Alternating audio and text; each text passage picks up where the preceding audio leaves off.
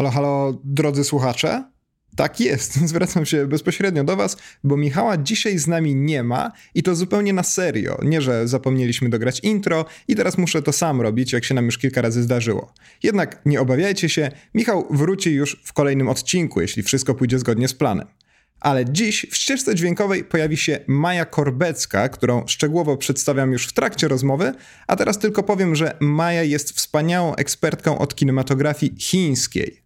Istnieje ogromna szansa, że już za dwa lata Chiny oficjalnie staną się największym filmowym rynkiem świata i teraz dzieją się tam zupełnie niesamowite rzeczy – z dzisiejszego odcinka dowiecie się m.in. jak musi wyglądać chiński przebój, żeby zostawić w tyle największe hollywoodzkie produkcje. Dowiecie się, czemu w chińskim kinie nie można pokazywać duchów, z pewnym wyjątkiem. Dowiecie się też, skąd popularność Dwayna Johnsona, jak cenzura wpływa na chińskie kina autorskie, czy istnieje tam kino niezależne. Przejdziecie też bardzo poważny trening z wymowy nazwisk, który przyda się Wam w czasie nocnych festiwalowych pogadanek. No tylko pamiętajcie, że jeżeli wymówicie nazwisko jakiegoś chińskiego reżysera prawidłowo, to pewnie mało kto będzie wiedział, o kim właściwie mówicie. Rozmowa trwała długo, ale jak to zwykle bywa, nie poruszyliśmy wszystkich tematów. Na szczęście Maja przygotowała dla nas wybór artykułów o najciekawszych zjawiskach w chińskim kinie, które znajdziecie w opisie odcinka. Materiał powstał we współpracy z festiwalem filmowym Pięć Smaków, o którym trochę z Mają rozmawiamy. Ścieżka dźwiękowa bardzo poleca. Impreza potrwa od 14 do 21 listopada w Warszawie. Zapraszamy. Michał. Michał, gdzie ty jesteś? Michał, nie zostawiaj mnie. Michał.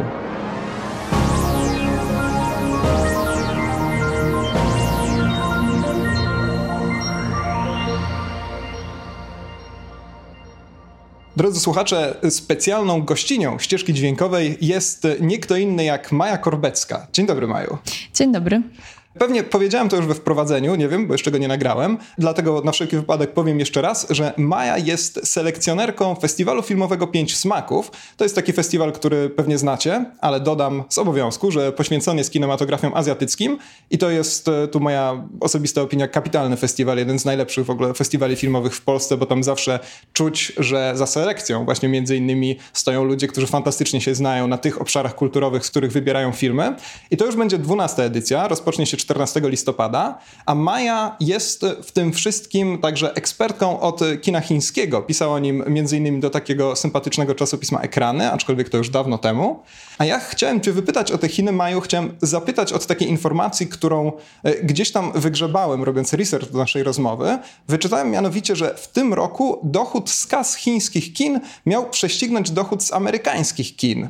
Dlatego chciałem zapytać, kiedy Chiny będą już tak oficjalnie tym największym rynkiem filmowym na świecie?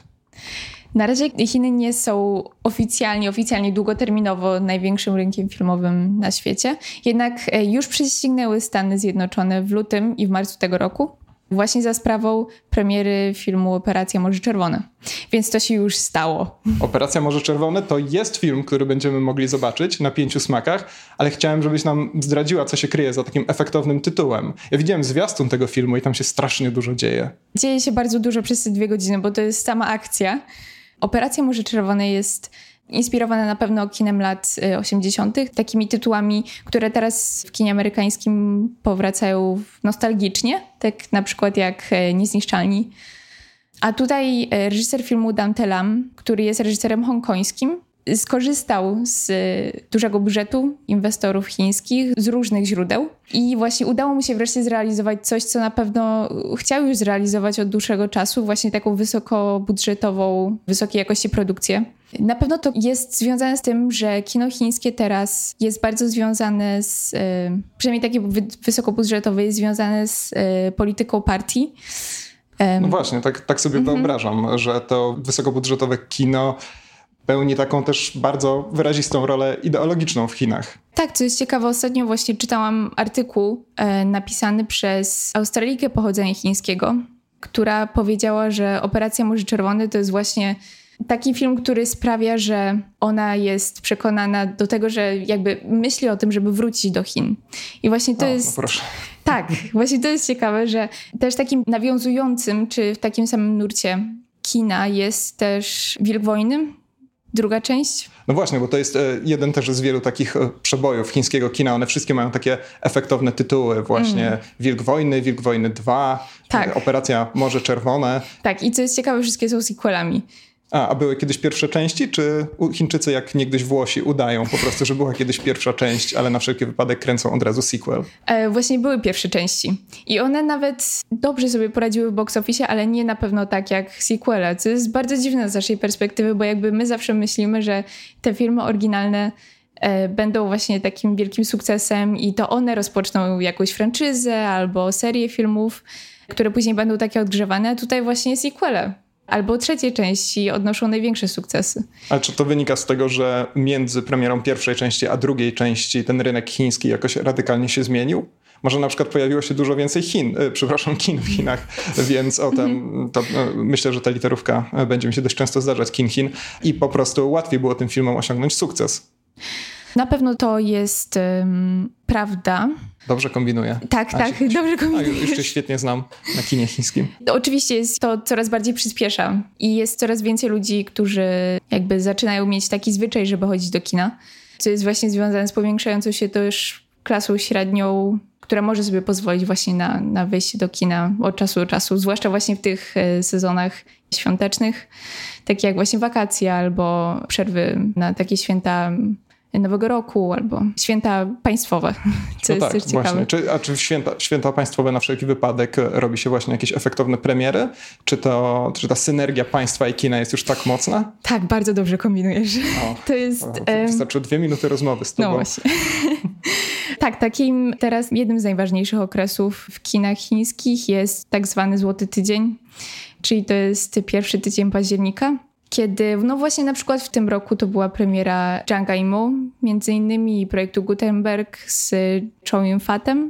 I podczas tego Złotego Tygodnia, tak jak e, podczas Lunarnego Nowego Roku, właśnie jest najwięcej dochodów z kin i to one E, tak naprawdę zadecydują, który tytuł będzie kolejnym największym blockbusterem w Chinach. A mówimy o takich filmach jak właśnie na przykład ta Operacja Morze Czerwone, do której będę uparcie wracał. I tutaj też e, chciałem zapytać o jedną rzecz. Wspomniałaś, że reżyser Operacji Morze Czerwone nazywa się jak? Przepraszam? Dante Lam. Naprawdę ma na imię Dante? Czy to jest jakiś mało wyszukany pseudonim artystyczny, czy rodzice mieli taką dziką fantazję? Nie, nie, tak, tak naprawdę to jest jakby jego angielskie imię, bo w Chinach wszyscy mają jakby swoje imiona w zapisie chińskim, ale też wybierają swoje imiona dla zagranicznych. No tak, kiedy Polacy, czytałem w ostatnim dużym formacie chyba wywiad z panem, który opowiadał o tym, jak robi się biznes z Chińczykami, no i tam podstawową zasadą jest to, że jeżeli ktoś nazywa się, ma na imię Przemysław lub Stanisław, no to musi z tego Przemysława lub Stanisława zrezygnować, jeżeli chce rzeczywiście z Chińczykami ubijać interesy. Tak, to prawda. Jak ja studiowałam w Chinach, to musiałam zrezygnować z mojego imienia. Naprawdę? Wydaje się, że imię Maja to jest coś, co zostanie wymówione pod każdą szerokością geograficzną. Tak, to prawda, ale to imię, które ja używałam podczas studiów, albo w ogóle w Chinach, albo na Tajwanie oficjalnie, to było imię, które zostało nadane przez mojego pierwszego nauczyciela chińskiego. Jakbym pomyślałam, że nie będę już tego zmieniać i tak już niech zostanie i nie będę kombinować. Jasne. No ja z Bolesławem mam problemy nawet w moim rodzinnym kraju, także absolutnie to rozumiem. Słuchaj, Operacja Morze Czerwone to jest film, który opowiada o ekspansji Chin w Afryce. Nie wiem, czy Wilk Wojny, Wilk Wojny 2 również, ale chciałem zapytać, jaki obraz Chin jako kraju, jako narodu wyłania się z tych no, przebojów kinowych, bo zacznijmy od nich. Na pewno jest to obraz kraju, który bardzo opiekuje się swoimi obywatelami za granicą, ale oczywiście też idzie z pomocą ludziom innych krajów. No zwłaszcza w Afryce, ponieważ jest coraz więcej firm, które właśnie zakładają swoje placówki w Afryce. I jest coraz więcej też studentów międzynarodowych, różnych wymian, różnych programów. I Chiny próbują stworzyć taki obraz podobny też trochę do Ameryki, pod pewnymi względami, jako właśnie takiego trochę policjanta, ale nie, nie, nie ingerującego w to, co się dzieje w tych krajach. Aha, czyli to jest taki tak policjant, bardzo. który budzi się, wychodzi z radiowozu tylko i wyłącznie wtedy, kiedy coś zaczyna się dziać, tak? Tak, A, tak, no, tak. Sam woli jeść pączka niż patrolować, tak? I angażować się w to wszystko. Tak, zwłaszcza, że jedzenie jest, jest bardzo ważnym elementem kultury chińskiej. Tak, a czy w tych efektownych blockbusterach chińskich też mamy jakieś mocne sceny jedzenia? Nie, nie. Te, te, tego nie było. Choć zależy jaki, bo na przykład te, te wojenne blockbustery to są herosi, którzy się nie męczą. No tak, nie muszą jeść. po prostu. Tak, nie muszą jeść, ale z drugiej strony też y, są zdecydowane poświęcenia, ale jakby te fizjologiczne rzeczy jakby są wykreślone. Aha, no to bardzo zdrowo w takim razie. Słuchaj, opowiadamy o filmach, które sprawiły, że przynajmniej na chwilę rynek chiński został największym rynkiem filmowym na świecie, ale to, co mnie zastanawia, to to, że mówimy o produkcjach, no właśnie, chińskich, oglądanych przez Chińczyków. I chciałem zapytać o status Hollywood w Chinach. Czy już rzeczywiście powoli Chińczycy przestają chodzić na kino amerykańskie? Kino amerykańskie ma bardzo utrudnioną dystrybucję w Chinach ponieważ to jest limit wyświetleń. 34 filmy zagraniczne mogą być wyświetlane w Chinach rocznie. A poza tym, oczywiście, podczas tych najbardziej dochodowych okresów, czyli tych świątecznych, też nie może być żadnych e, produkcji zagranicznych w kinach. Więc y, jeśli chodzi na przykład o takie wstawki chińskie w amerykańskich blockbusterach, co oczywiście jakby firmy amerykańskie bardzo chcą przekonać y, jakby chińskich widzów ten cały potencjał, żeby jakoś powiedzieć, że możemy współpracować, że tutaj jesteście reprezentowani. Ale bez przesady. Ale tak? oczywiście bez przesady, tylko role epizodyczne. Ale zawsze występują w takich rolach jakby właśnie też ratujących. Ratują wszystkich od problemów. I Chińczycy do tego podchodzą tak bardzo. Nie, nie, nie interesuje ich w ogóle to. No, oni mają swoje problemy. Tak? No właśnie, jakby te role epizodyczne i wątki chińskie w e, komercyjnym kinie amerykańskim traktuję jako anegdoty trochę. Jakby nie, nie przejmują się tym aż tak bardzo. Myślą, że to jest bardzo sztuczna wstawka, która jest tylko skrojona pod właśnie chińskiego widza, ale tak naprawdę chiński widz ich nie potrzebuje. No właśnie, bo czasami te chińskie wstawki w amerykańskich filmach są rzeczywiście ekstremalnie bezczelne i nie mówię już tylko o tych, które zostały przygotowane specjalnie na chiński rynek, tak jak e, przypadek, o którym zresztą pisałaś w artykule w ekranach, czyli trzeci Iron Man, gdzie mieliśmy, o ile dobrze pamiętam, cały dodatkowy wątek postaci, która została wycięta w tej wersji, która była dystrybuowana także w Polsce ale to, co mnie fascynuje, to przede wszystkim filmy wytwórni Legendary, która w tym momencie jest w jakiejś tam dużej części firmą chińską i tam dla mnie no, zupełnie fascynującym przykładem jest Kong Wyspa Czaszki. Swoją drogą film znakomity, nie wiem, czy miałeś okazję go zobaczyć. Nie widziałam tego. Tam jest e, zupełnie fascynująca postać e, chińskiej aktorki drugoplanowej, która nie ma absolutnie żadnej roli i funkcji w filmie, tylko rzeczywiście biega, przewija się tak e, zaskakująco często, jak na postać, która jest tam włożona rzeczywiście tylko i wyłącznie z powodów, no właśnie, wydawało mi się, że po to, żeby przymilić się Chińczykom, ale z tego, co mówisz, wynika, że to wcale na nich tak nie działa. No tak, bo to, jest, to są jakby takie części które są bardzo na siłę wstawione i tak samo jak było z postaciami odgrywanymi przez Fan Bingbing w Avengersach czy e, właśnie w Iron Manie. To zupełnie nie jest e, potrzebne chińskim widzom. Chińczycy też e, zrobili rzecz, która jeszcze niedawno wydawałoby się była nie do pomyślenia, to znaczy wycofali film z kin. Chodzi o superprodukcję fantasy, która nazywa się, wybacz, że bardzo teraz będę kaleczył, Asura. I film nie odniósł sukcesu w ciągu pierwszego weekendu bodajże wyświetlania, więc został zupełnie wycofany z kin. Mhm. Nie jestem pewna dokładnie w jakim to czasie było puszczane w kinach, ale to jest dziwne, bo jakby te produkcje fantastyczne bardzo dużo dochodu zawsze zbierają, no ale nie wiem dlaczego tak się stało tym razem. Jakby to jest bardzo, bardzo niejasne. Wspominasz o produkcjach fantastycznych, a ja z kolei kiedyś wyczytałem, że jedną z takich głównych zasad, którą kieruje się chińska cenzura, jest to, żeby w filmie nie pojawiały się właśnie wątki związane z duchami czy wątki nadprzyrodzone. I ponoć między innymi dlatego nowi pogromcy czy też pogromczynie duchów nie mogły trafić do chińskich kin. To prawda, te wątki są dość kontrowersyjne, ale to jest związane z takim bardzo starym postanowieniem, to jest jeszcze z czasów początku XX wieku, kiedy właśnie partie, które tworzyły Republikę Chińską, po prostu powiedziały, że chcą zmodernizować Chiny i właśnie w ogóle pozbyć się tych wszystkich um, przesądów też związanych z różnymi ludowymi podaniami, folklorem właśnie chcą jak najbardziej uwspółcześnić Chiny i żeby jakby były związane tylko z nauką, ale nie z przesądami.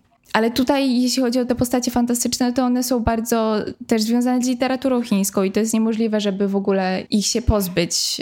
I tylko to musi być podkreślone, że te postacie nie mają w ogóle żadnego związku z realnym światem. To musi być podkreślone w filmie, tak? Tak. Tak, że na przykład kiedy jest to horror, czy to jest jakaś właśnie opowieść o różnych upiorach, czy potworach, to musi być zawsze podkreślone, że o, na przykład cała fabuła filmu to była tak naprawdę jakieś wymysły głównej bohaterki albo sen głównego bohatera. A czyli są takie klamry narracyjne, na przykład właśnie, że ktoś zasypia i budzi się, albo otwiera książkę i na końcu zamyka? Tak, albo to jest taki wątek właśnie różnych...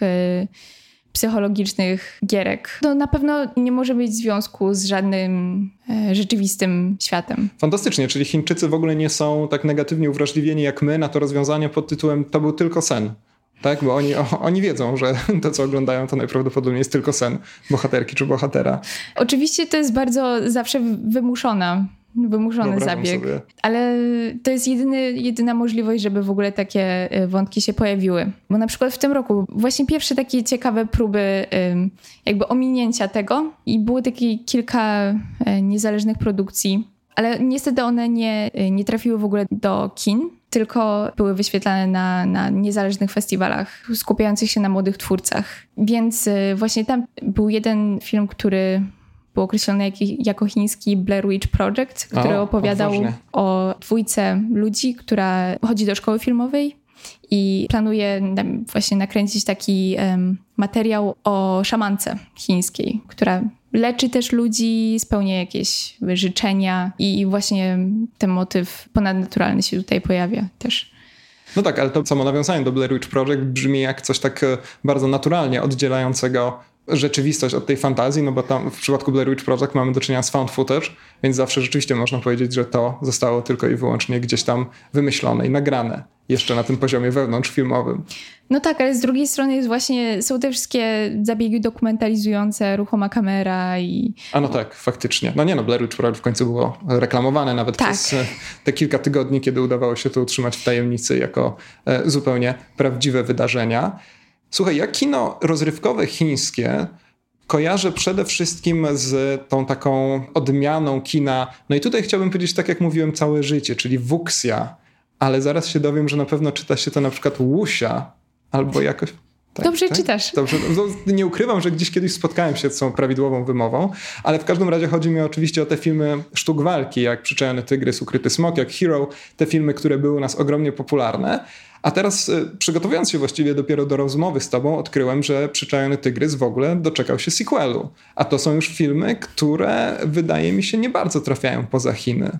Ten film na pewno był skrojony dla międzynarodowego widza, ponieważ był dystrybuowany na Netflixie. A poza tym te filmy od początku oczywiście były skierowane do widzów chińskich również, ale na przykład Przyczajony Tygrys, Ukryty Smok jest to jakby film w reżyserii Tajwańczyka, który przeprowadził się do Stanów i to kino Łusia ma bardzo dużą tradycję wśród diaspory chińskiej, ale nie do końca wśród jakby samych Chińczyków w Chinach kontynentalnych. Oczywiście druga część e, Przyczajonego Tygrysa Ukrytego Smoka była wielką klapą. Doczekała się no, najgorszych recenzji. Najgorszych. Nie, nie można już było wymyślić żadnej gorszej recenzji. Nie. To znaczy ja tego filmu nie oglądałam. No tak, no przy e... takich recenzjach. No właśnie słyszałam, że jest naprawdę kiepską produkcją, zwłaszcza, że jedyną aktorką, która tam wróciła z um, obsady oryginalnego filmu była Maggie Yeo. Jakby Kinousia jest chyba teraz nie, za bardzo popularne, ponieważ e, te wszystkie chińskie blockbustery bardziej się jednak skupiają albo na gatunkach takich bardziej amerykańskich. Z drugiej strony też jakby ten, ten gatunek fantazy jest oczywiście bardzo zakorzeniony w literaturze i w kulturze i różnych podaniach chińskich, ale właśnie teraz blockbustery chińskie mają być bardzo realistyczne. Jak najbardziej się da. Właśnie opowiadające jakieś historie ze współczesnych Chin. Więc dlatego teraz to kino Wuxia na pewno nie będzie zarabiać aż tak dużo pieniędzy. A czy w ogóle kino chińskie, to takie największe, najpopularniejsze, jest w stanie meandrować gdzieś tam między nakazami cenzury? I jak cenzura podchodzi do sytuacji, w której kino stara się opowiadać o tych takich najbardziej dramatycznych i na pewno nieprzyjemnych z perspektywy władz wydarzeniach w historii kin? Bo wiemy, że w programie Pięciu Smaków będzie film Młodość, który, jak wyczytałem, wydarza się podczas rewolucji kulturalnej. No właśnie, jeśli chodzi o samą młodość, to była ona wycofana z kin. Czyli oglądamy film nielegalny, znakomicie. To znaczy, nie, nie, premiera filmu była opóźniona, może tak bardziej. Bo premiera filmu miała się odbić podczas właśnie tego weekendu październikowego, co czy tym. Ale właśnie myślę, że z powodu tego, że w tamtym roku kiedy premiera filmu miała się odbyć, za niedługo e, miał się odbyć też kongres partii. I właśnie w tym czasie unika się tematów historycznych. I też na pewno unika się rozgrzebywania takich bardzo e, bolesnych tematów, takich jak na przykład II wojna światowa, jakby okupacja japońska, czy właśnie ten taki dość niepotrzebny konflikt e, z Wietnamem właśnie pod koniec rewolucji kulturalnej. A czy ci autorzy chińscy, których my bardzo dobrze kojarzymy, nawet w Europie, teraz chciałbym powiedzieć Chia Zhanghe, ale nie jestem pewien, czy dobrze kombinuję. Dziadzankę. O nie, to, to, to, to tak, zupełnie, jest bardzo ciężko. Zupełnie, zupełnie nie trafiłem, no ale Najczystszy jest popiół, jego ostatni film można było zobaczyć chociażby podczas ostatniej edycji Nowych Horyzontów, ale wiem, że na przykład jego dotyk grzechu miał spore problemy w Chinach. Z drugiej strony już wtedy w 2006 mniej więcej Dziadzanka zaczął współpracować e, z partią. Może nie chodzi o to, że są jakieś tematy, których nie powinno się na pewno poruszać, ale wymowa całego filmu musi być bardzo pozytywnie ukazująca przyszłość Chin. Aha, czyli trzeba patrzeć tak z uniesioną głową do przodu i niekoniecznie pamiętać o tym, co działo się wcześniej, tak? bo to już za nami. I jeżeli przyjmiemy taką strategię, to wtedy jesteśmy w stanie nakręcić film nawet e, na przykład taki właśnie, jak, jak kręci ten reżyser, którego od rozmowy z tobą mhm. imienia i nazwiska już nawet nie będę próbował wymawiać. Ale to jest e, też jeden z takich twórców, który odnosi ogromne sukcesy na międzynarodowych festiwalach i zastanawiam się, czy Chińczycy w ogóle jego filmy oglądają, bo to jest taki dość klasyczny, czy też to mógłby być taki bardzo klasyczny przypadek, który dotyczy chociażby kina meksykańskiego, gdzie te filmy najgłośniejsze na międzynarodowych festiwalach praktycznie nie trafiają do krajowej dystrybucji i ludzie, o których te filmy opowiadają, tak naprawdę dopiero po roku czy dwóch mogą gdzieś tam na home video te filmy zobaczyć. Na pewno był ten rozstrzał przez bardzo długi czas, że były filmy chińskie, które były produkowane dla publiczności festiwalowej, międzynarodowej i były te filmy, które właśnie były produkowane dla krajowej publiczności. Ale myślę, że Dziadzankę przez ostatnie przynajmniej 10 lat bardzo starał się, żeby to zmienić. I właśnie poprzez to, że zaczął być bardziej otwarty i chciał prowadzić dialog y, właśnie też z partią, bo, bo, chciał, żeby jego filmy były dystrybuowane w Chinach i żeby właśnie mm, widzowie w kraju jak najbardziej chodzili na te filmy i poznawali historię o nich samych i lepsze gatunkowo kino też zaczęli oglądać. I nawet właśnie z, z okazji premiery Najczystszy jest popiół, Dziadzęk był bardzo aktywny też w mediach społecznościowych i różnych forach. Próbował zachęcić widzów chińskich do tego, żeby bardziej byli otwarci na właśnie te niezależne produkcje i te, które też pokazują mniej reprezentacyjne strony Chin. A czy możesz nam krótko odpowiedzieć na pytanie, które mnie szczególnie interesuje? I to jest taka kwestia, którą na pewno będę po wszechczasy dzielił z Chińczykami, to znaczy uwielbienie do Dwayna The Rocka Johnsona, który w Chinach jest postacią ekstremalnie popularną. Chciałem zapytać, skąd taka popularność tego wspaniałego przecież aktora? No to może nie powinienem się dziwić, że jest tak popularny, skoro uważam go za wspaniałego aktora, ale rzeczywiście jego renoma w Chinach przebija wszelkie sufity. Na pewno przemawia za Dwaynem Johnsonem to, że ma taki wizerunek bardzo prostego faceta jakby to bardzo przemawia do publiczności chińskiej, która nie lubi też zgrywania się i właśnie tych herosów w różnych kostiumach, bo jakby to do nich zupełnie nie przemawia. Rock na pewno zaczął odnosić sukcesy od czasów e, szybkich i wściekłych, jakby dołączył do, do tej grupy. No i, i na pewno o tym też e, przekonuje bardzo duży sukces y, Szybkich i Wściekłych w Chinach, co jakby był zupełnie y, zaskoczeniem dla box office'u światowego. The Rock też bardzo się udziela w telewizji chińskiej i też y, w mediach i jakby nie, nie sprawia takiego wrażenia, że nie zależy mu albo że chińska widownia to jest widownia drugiego sortu.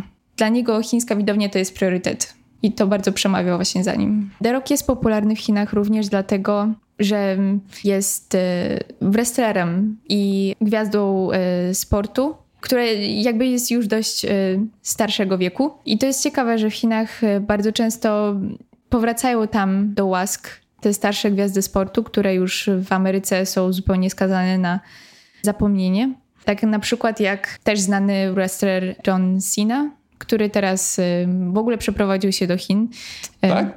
Mieszka w Chinach oficjalnie? Tak, tak, tak, tak. Nie wiem, jakoś może miesiąc temu albo dwa miesiące temu był taki wiralowy filmik, y, gdzie John Cena robi reklamę sosu chili Lao Gamma I w ogóle jak The Rock jakby bardzo pozytywnie się wypowiada w ogóle o Chinach i o życiu tam.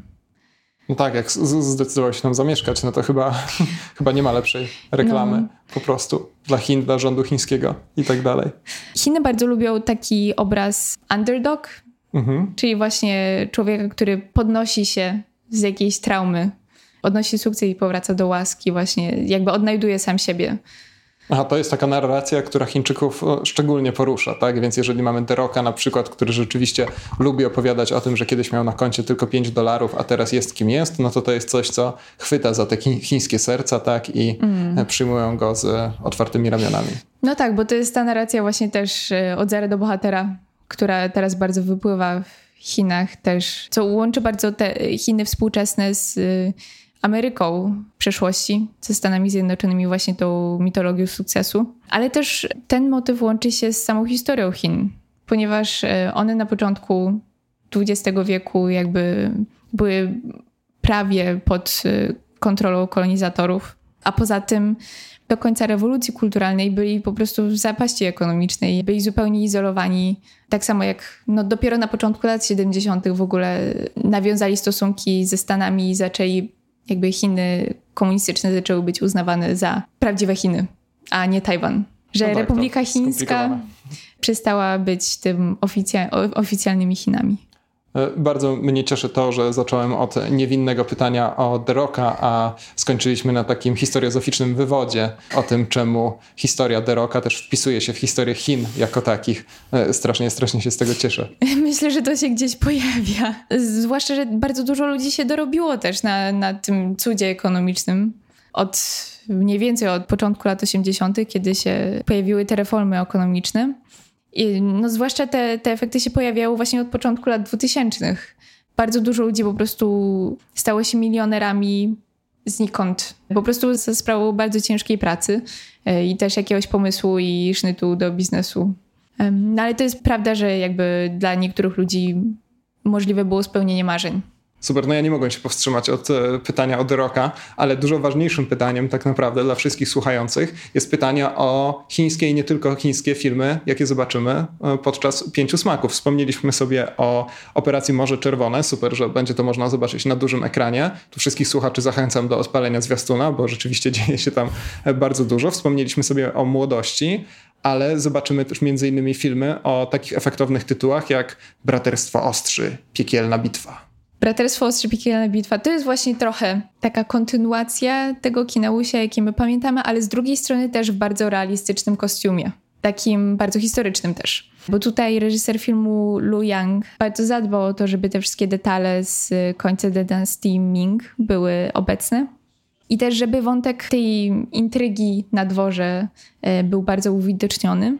No myślę, że to jest takie bardzo solidnie zrobione kino akcji, które jest też y, jakby filmem historycznym. No i oczywiście tutaj też będzie bardzo dużo scen walki, ale jednak to nie będą takie walki, które jakby my pamiętamy z kina Łysia, czyli właśnie latanie po drzewach, czy unoszenie się, czy jakieś... Nie właśnie... latają na drutach już. Tak? Nie, nie, nie, no, już nie. To trochę, trochę szkoda. Zacząłem od tego filmu, bo on ma po prostu bardzo, bardzo efektowny tytuł, ale co tam jeszcze ciekawego będzie się działo na Pięciu Smakach? No na pewno będziemy mieć też w konkursie głównym dość dużo y, niezależnego kina chińskiego właśnie od debiutujących twórców. No właśnie, co jest też ciekawe w kontekście y, tego, co robi Jia i w ogóle ta szósta generacja twórców chińskich, którzy bardzo też aktywizują to niezależne środowisko i też wspierają młodych twórców. I będziemy mogli zobaczyć na pięciu smakach film, który w tym roku był w oficjalnej selekcji w Locarno, czyli Podmiejskie Ptaki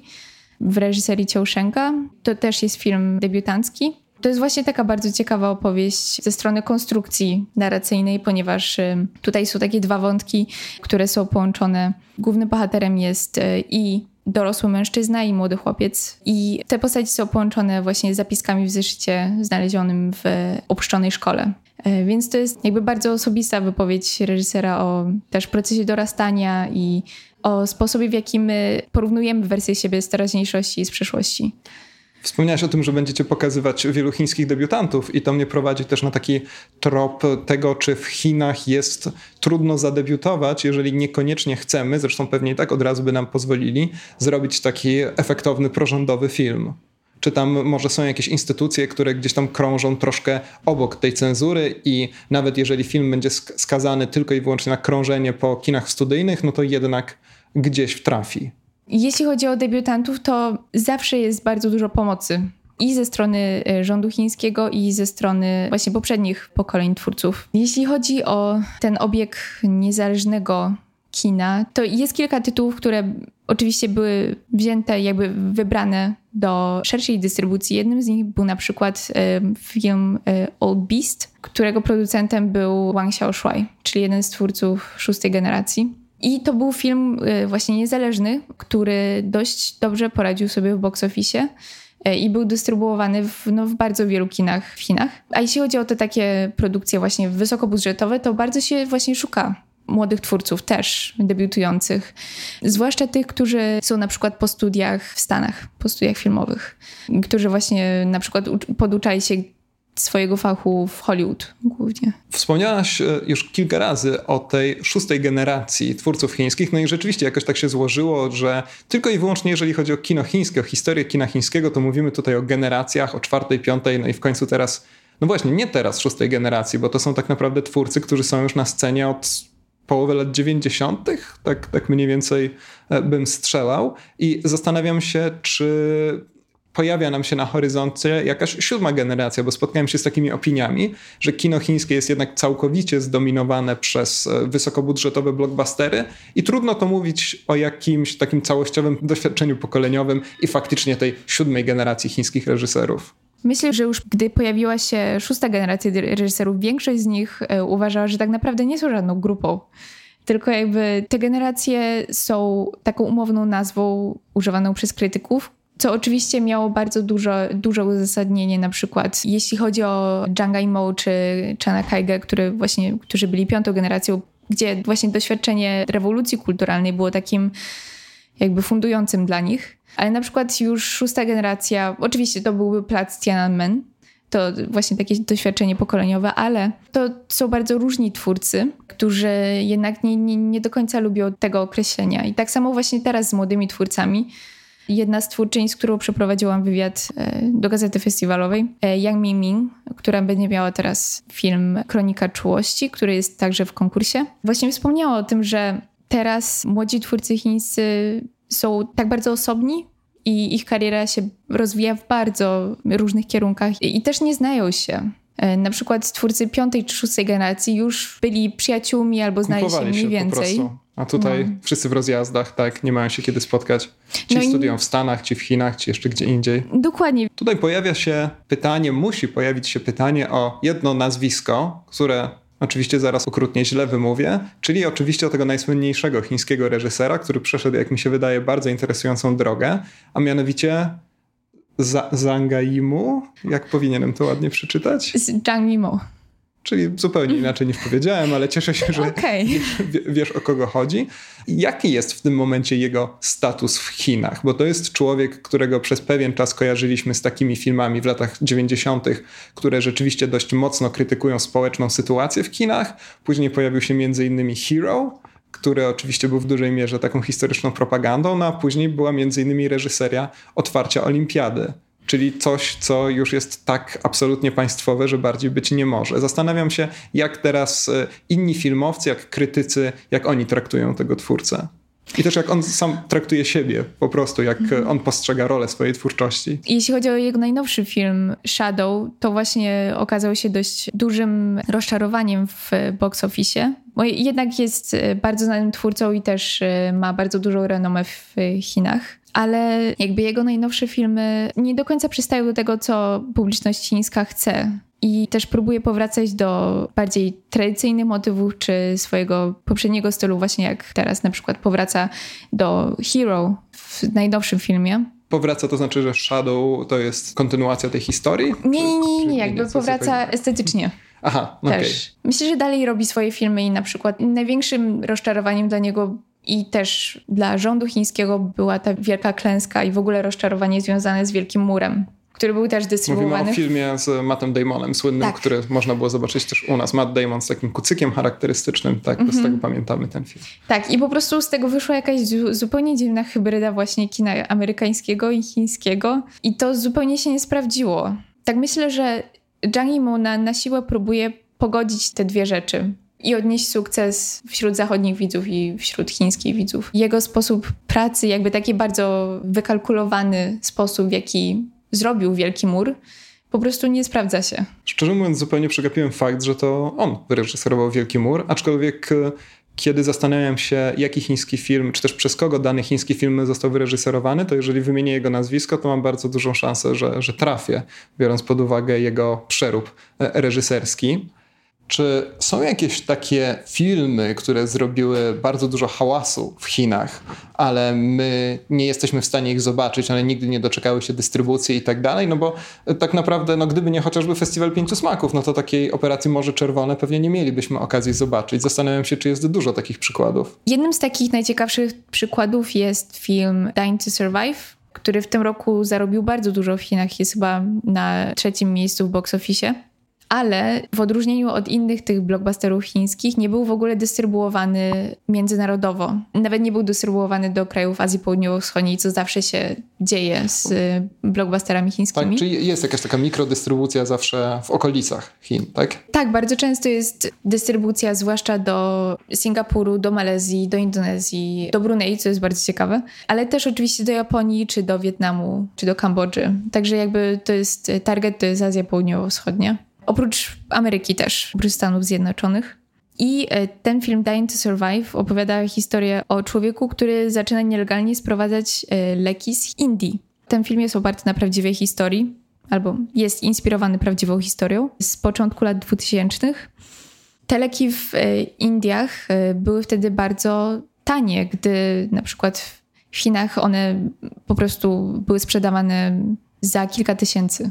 I to były leki na białaczkę. Ten obraz, taki bardzo negatywny obraz y, koncernów farmaceutycznych w Chinach i służby zdrowia, y, jest bardzo negatywny w tym filmie, ale później oczywiście znów musi być dodany ten bardzo pozytywny wątek pod koniec, że te leki później stały się publicznie dostępne i bardzo tanie i że właśnie rząd chiński robi, robi, zrobił wszystko, żeby tym chorym pomóc i żeby jakoś e, ograniczyć właśnie te bardzo, bardzo wysokie ceny importowanych leków z Europy. Więc tak, ten film nie był dystrybuowany oficjalnie w kinach e, międzynarodowo, ale trafił na Netflixa.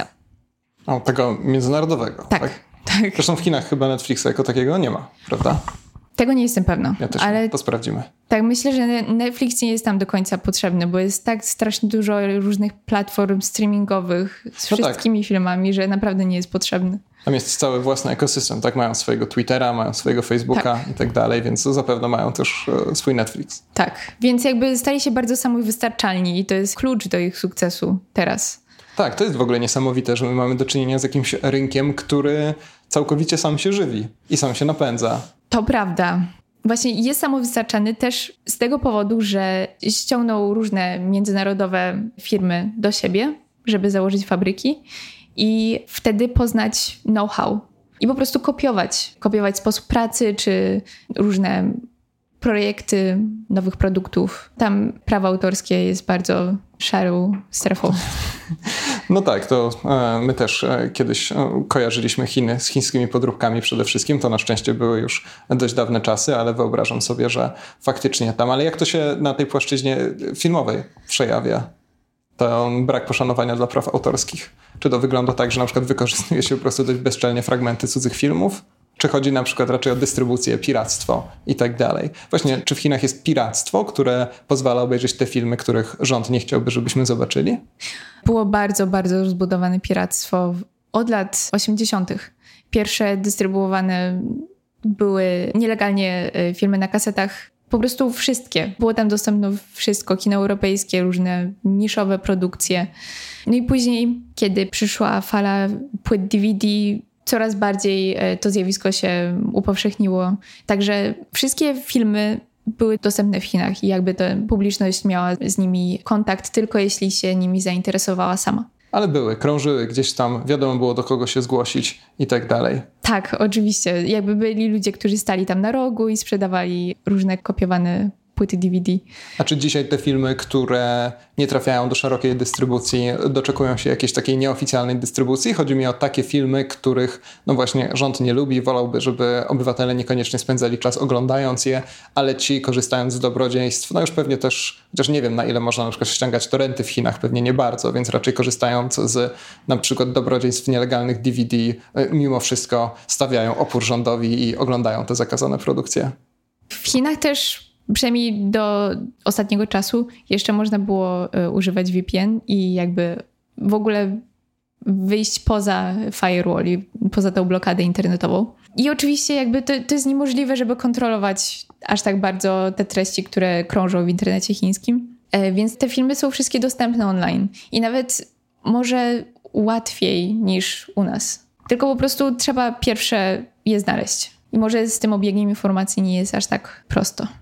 Chciałem Cię zapytać też o niechińskie filmy, które będziemy mogli zobaczyć na Festiwalu Pięciu Smaków, bo nie ukrywam, że Chiny to ten temat, który mnie osobiście fascynuje najbardziej, ale to jest przecież nieuczciwe zawężanie w stosunku do tego przebogatego programu. No na pewno z mojej perspektywy najciekawszy jest konkurs. Oczywiście też sekcja animacji jest bardzo ciekawa, ale na przykład w konkursie bardzo ciekawym tytułem jest Wyśniona Kraina, czyli zdobywca głównej nagrody w Locarno. To jest drugi film reżysera, Xiehua, który w bardzo ciekawy sposób opowiada właśnie o współczesnym Singapurze, ale też o sposobie, w jaki ludzie bardzo się wciągają w wirtualne światy i sposób, w jaki kapitalistyczne społeczeństwo jakby zniewala ludzi fizycznie i psychicznie. Wyjaśniona kraina to jest takie bardzo ciekawe połączenie kina noir z filmem science fiction Wpisuje się właśnie też w ten nurt y, neo-noir. Bardzo często na przykład jak widzimy jakieś fotosy z tego filmu, to możemy sobie przypomnieć na przykład...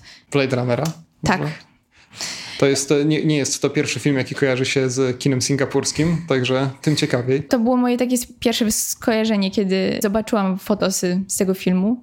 No, ale z drugiej strony uzupełniło to takim bardzo wątkiem zakorzenionym w y, realizmie też no, opowiada taką historię o migrancie z Chin właśnie też, który przyjeżdża do Singapuru, żeby pracować na obszarze rekultywacji gruntu i zostaje... No, brzmi, brzmi fascynująco. I po prostu znika. Jakby o, już lepiej. Głównym wątkiem jest właśnie poszukiwanie głównego bohatera przez e, detektywa, który cierpi na bezsenność. Właśnie później dowiadujemy się, że później główny bohater również cierpiał na bezsenność. I też bardzo często chodził do takiej jednej kafejki internetowej, gdzie zaczął grać w grę online i to miejsce, gdzie pracował i to, co robił nocami, właśnie grając w grę internetową, jakby zupełnie go pochłonęło i on w jakiś sposób e, bardzo tajemniczy zniknął. Super, czyli takim highlightem, za przeproszeniem, tego festiwalu, oprócz oczywiście filmów chińskich, o których wspomnieliśmy, byłaby ta singapurska wyśniona kraina. Właśnie. Fantastycznie, to będziemy ją polecać. E, czy jeszcze jakieś tytuły krążą ci po głowie? Jeśli chodzi o animację, to na pewno ciekawym tytułem jest y, Krwawa Wyprawa. Same fantastyczne tytuły są w tym roku. Piekielna bitwa, Krwawa wyprawa, Wyśniona kraina. No, Naprawdę super. To prawda, że właśnie jak y, myśleliśmy nad polskimi tytułami filmów, to po prostu ciągle się pojawia jakiś mord, albo bitwa, albo właśnie coś takiego bardzo krwawego. Także to prawda, że w tym roku właśnie się pojawia dość dużo takiego wątku grozy czy horroru na festiwalu. No ale właśnie, kontynuując tą krwawą wyprawę, to jest animacja, która została zrobiona w bardzo ciekawej technice gekimacji, czyli wycinanej animacji za pomocą postaci wycinanych z papieru. Przepraszam, czy, czy możesz to przeliterować? Gekimacja? Ge, geki, gekimacja, tak? Tak. Dobra, okej, okay, zapisuję. Opowiada taką historię trochę wyciągniętą jak z baśni braci Grimm, tylko właśnie z dodatkiem modyfikacji ciała i różnych technologicznych koszmarów. I to jest opowieść o dwóch chłopcach, którzy wyruszają na wyprawę przez las w poszukiwaniu kolegi i natykają się na park rozrywki w środku lasu. No, to I... mój ulubiony rodzaj parków rozrywki. Opuszczony, mam nadzieję. Właśnie jest e, dość niepokojąco opuszczony i natykają się tam na właściciela, który poleca im, żeby zaczęli nosić płaszcze przeciwdeszczowe, bo tylko tak przeżyją. przeżyją właśnie tą wyprawę przez park rozrywki. I tam dowiadujemy się o jakichś e, różnych e, dziwnych tajemnicach i szalonych eksperymentach. To jest taki też bardzo nostalgiczny powrót do lat 80. i do takich właśnie opowieści w stylu gore też, tylko w animacji. No to to, co w tym podcaście lubimy chyba najbardziej. Fantastycznie mają, bardzo Ci dziękuję. Do pomieszczenia, w którym rozmawiamy, e, powoli zaczynają wchodzić wolontariusze, a każdy, kto pracował przy festiwalu filmowym, wie, że wolontariuszy należy kochać miłością bezwarunkową, ale też nie można za bardzo wchodzić im w drogę. Także będziemy już powoli kończyć. Ogromnie Ci dziękuję, Maju, za udział. Dziękuję bardzo. I wszystkich zapraszamy serdecznie do oglądania chińskiego kina, a od razu też na Festiwal Pięciu Smaków w Warszawie 14 do 21 listopada. Tak jest? Tak jest. Super, fantastycznie. Bardzo dziękuję i do zobaczenia, do usłyszenia. Dziękuję, do zobaczenia.